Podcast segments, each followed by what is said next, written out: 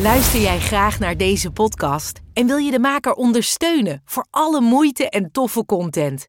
Geef dan, als je wat kan missen, een digitale fooi. Dat doe je via d.com zonder abonnement of het achterlaten van privégegevens. Dus d.com.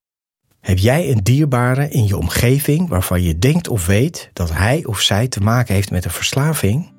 Of worstel je zelf met een verslaving? Dan ben je hier op de juiste plek. Mijn naam is René van Kolm en na 30 jaar verslaving ben ik clean en in herstel vanaf 2010 en werk ik sinds 2015 als familiecounselor. Dit houdt in dat ik de mensen in de directe omgeving van iemand met een verslaving help.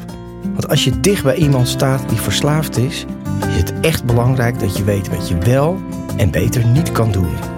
In deze podcast, in samenwerking met Lev Magazine, neem ik je mee in de wereld van verslaving en de verslaafde.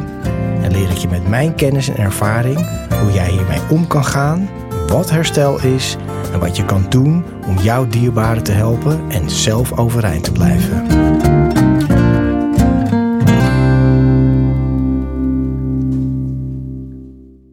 Lieve mensen, een hele korte en krachtige boodschap van mijn hart uit naar jullie toe.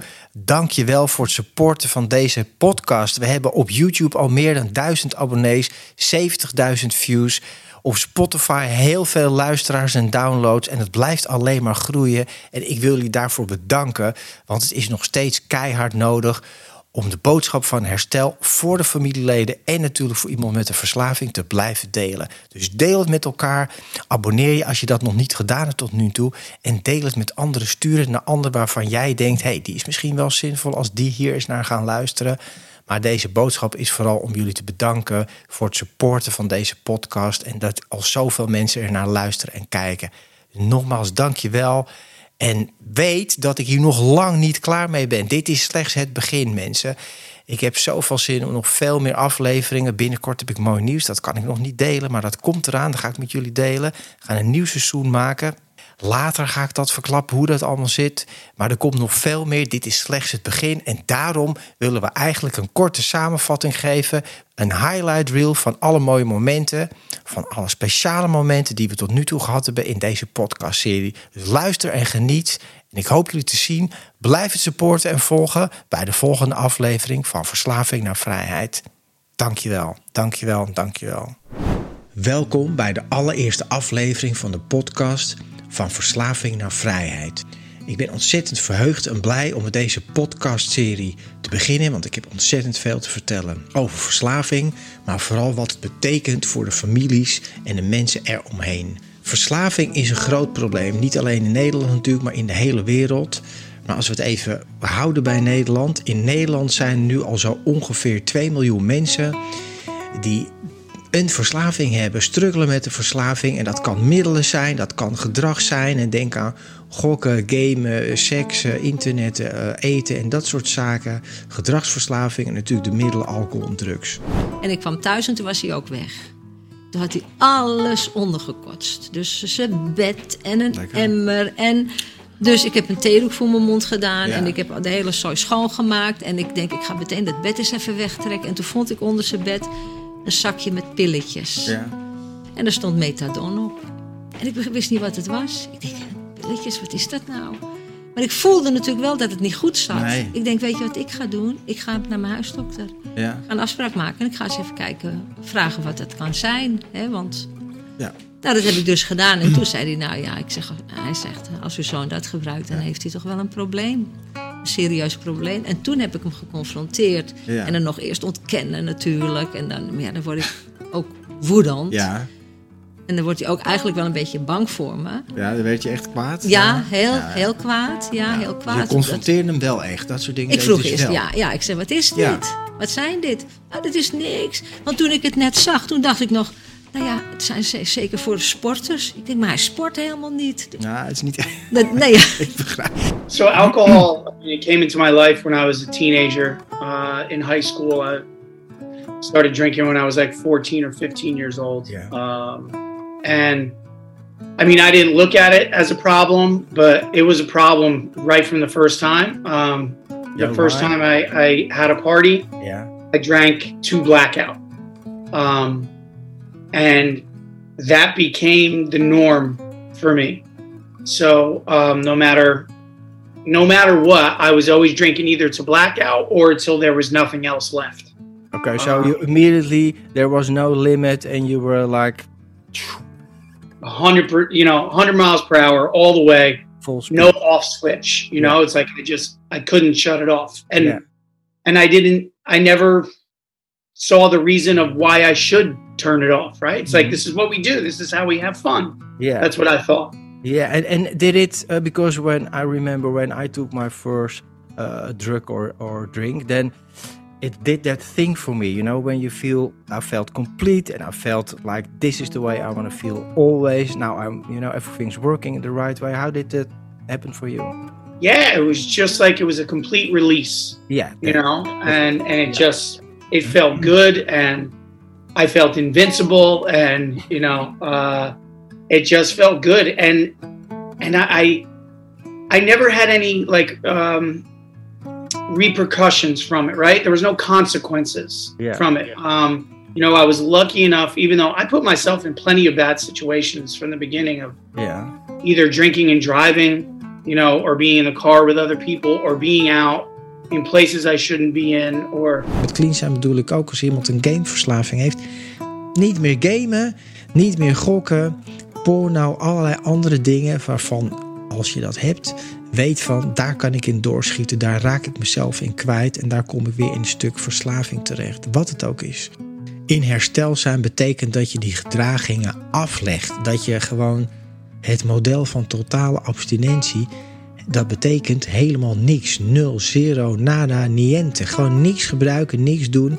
Omdat die kwetsbaarheid in mij, in mijn hersenen en in mijn achterliggende patronen, die zitten nog steeds. En die moet ik niet aanwakkeren. Het is veel makkelijker, en dat is logisch, om het helemaal niet te doen, dan om proberen ermee om te gaan. Ik heb al 30 jaar op dat koord gelopen en ik flikker er steeds vanaf. Hoef ik niet meer te proberen. Ik kan het niet. Ik wil het ook al lang niet meer. Dus totale abstinentie betekent helemaal niet doen. Ik kon het wel twee weken, dat was heel gek. Als ik twee weken op vakantie ging, Ja, dat, maar dat, dat, dat was is. zo raar. Ja. Ik kan, ja, één, ik was natuurlijk heel erg bang in het buitenland. Ja. Je, want ik ken de verhalen. Ja, dat wil je niet. Dat wil je eh, niet. Dus nee, dat, dat, dat weer, ik ben met mijn gezin, stel er gebeurt iets. Ja. Nou, man. dat je ergens in de bak zit. Oh, ja. wat erg. Nou, dat komt natuurlijk in het nieuws. Ja. Wat, heb, wat heb jij niet jezelf aangedaan, maar je gezin? Hoe stom ben je? Dat zag ik allemaal voor me. Dus dat kon ik. Maar zodra ik in het vliegtuig zat en ik zette mijn telefoon aan en we hadden bereik, was het hey, vanavond. ja, denk, Maar dat dan? is zo herkenbaar. Ik heb dat ook gehad, dat je in in het buitenland bent en dan krijg je ook de illusie Ja. dat je er dat het weg is of zo. Ja. Maar dat is heel raar. Ja. Weet je, dat ken ik ook. Dan Want dan was denk je, ik kan wel zonder. Zie je wel? Ja, Ja, dat is even. Dat is ook met heel veel mensen die zeggen: nee, man, ik ben al drie maanden helemaal clean. Maar eh, doe je er wat aan? Nee, nee, maar ik, ik wil nooit meer. Ja. Dat is het gevaar. Ja. Zo, het komt wel. Hij wacht net zo lang Ja, tot je die zwakke momenten hebt. ja. Ja, en die komen. En die, die komen. Ja. Dat is het leven, weet je wel. Kijk, je leven wordt er niet. Het is niet dat het leven ineens beter wordt. Maar je, je- jij staat in het leven zonder drugs. En kan die dingen zonder drugs nu aan. In deze aflevering wil ik het gaan hebben over de term en het begrip van codependency. Codependency, vrij vertaald naar het Nederlands, betekent afhankelijkheid, een wederzijdse afhankelijkheid. Die gaat over iemand anders zijn, in dit geval verslavingsprobleem. Dus eigenlijk zou je kunnen zeggen: jij ligt wakker van de problemen van iemand anders, letterlijk en figuurlijk gesproken. Codependency, lieve mensen, is het probleem van alle mensen waarvan hun dierbare een verslaving heeft, zonder dat ze het weten, zonder dat ze het eigenlijk doorhebben. Dit is wat ik in mijn werk elke week opnieuw zie. En mensen zijn hier zich niet bewust van. En daarom vind ik dit een superbelangrijk onderwerp om in deze podcast uitgebreid te gaan bespreken. Later in deze video ga ik jullie ook vertellen wat kan je hier nou aan doen en wat kan je hier nou mee doen voor jezelf. Want je kan iemand anders zijn probleem niet oplossen. Dat is punt 1. Dat zullen ze uiteindelijk echt zelf moeten doen. Ik ben op een gegeven moment wel, ehm, op mijn achttiende ben ik een jaar lang met een psycholoog gaan praten. Dat heeft wel geholpen, inzicht gegeven. Ik heb toen Maar waarom veel- ging je er naartoe? Ja, ik moest in dienst. Dat was suf in die tijd. Ik was het laatste die nog opgeroepen werd. En ik had zoiets van, eh, nou ja, whatever. Maar ik ga niet schieten. En ik ga ook niet met handgranaten gooien. En ik ga ook niet marcheren. Dus als, maar als jullie iets anders voor me willen verzinnen, nou ja, oké, whatever. wist ook op dat moment toch niet precies wat ik moest doen. Behalve in een rock'n'roll band spelen, wat ik gewoon bleef doen. Maar, eh, en toen werd ik dus al vrij snel werd ik, eh, naar de psycholoog gestuurd. Want ja, dan ben je gek of zo. Ja. Of S5 heet dat dan, hè? Ja. Eh, instabiel. Ja. Maar er was een leuke vent. En die vent die zat er ook voor zijn nummer. Die, die had er ook niet per se voor gekozen. En die had zoiets van... Kijk, de meeste jongens die er binnenkwamen... die hadden zo... In mijn bed geplast. Of ik heb een ei gelegd. Die hadden de gekste dingen. Dus dat, die wilden gewoon eruit. Ja. Nou, dat was de... Oké, S5. En, Ja. eh, maar ik had echt dat ik wel zoiets van... Ja, ik heb echt wel iets om over te praten. Weet je wel? Die scheiding van mijn ouders. En ik, ik heb altijd al iets gehad. Daarom ben ik natuurlijk ook... Zo geïnteresseerd geraakt in meditatie. Waar gaat het nou over? Wat, wat is nou het doel van het leven? Waarom zijn we hier? Wie is dan God? Wat is et cetera? Ja. Hij is 21 jaar redacteur van de Playboy magazine geweest. Daarvoor vijf jaar journalist, hè, schrijver van de Hitkrant. Nou, dat ken je misschien niet meer, maar het was het blad voor ja, muziek- en popsterren in de jaren 70, 80. 76, de hoogtijdagen van de popmuziek. Nou, John Travolta, Michael Jackson, Diana Ross, Prince, Prince. Brian heeft, Ferry. nou, wie heeft hij niet, niet gezien en ontmoet? Iggy Pop. Maar ook 25 jaar verslaafd. Ja. En daar gaan we het vandaag over hebben. En ook bijna 10 jaar in herstel. En het is ook mijn allerbeste vriend, Oh. Mick Boskamp. Hartstikke fijn dat je er bent. Ehm, ja, waar gaan we beginnen?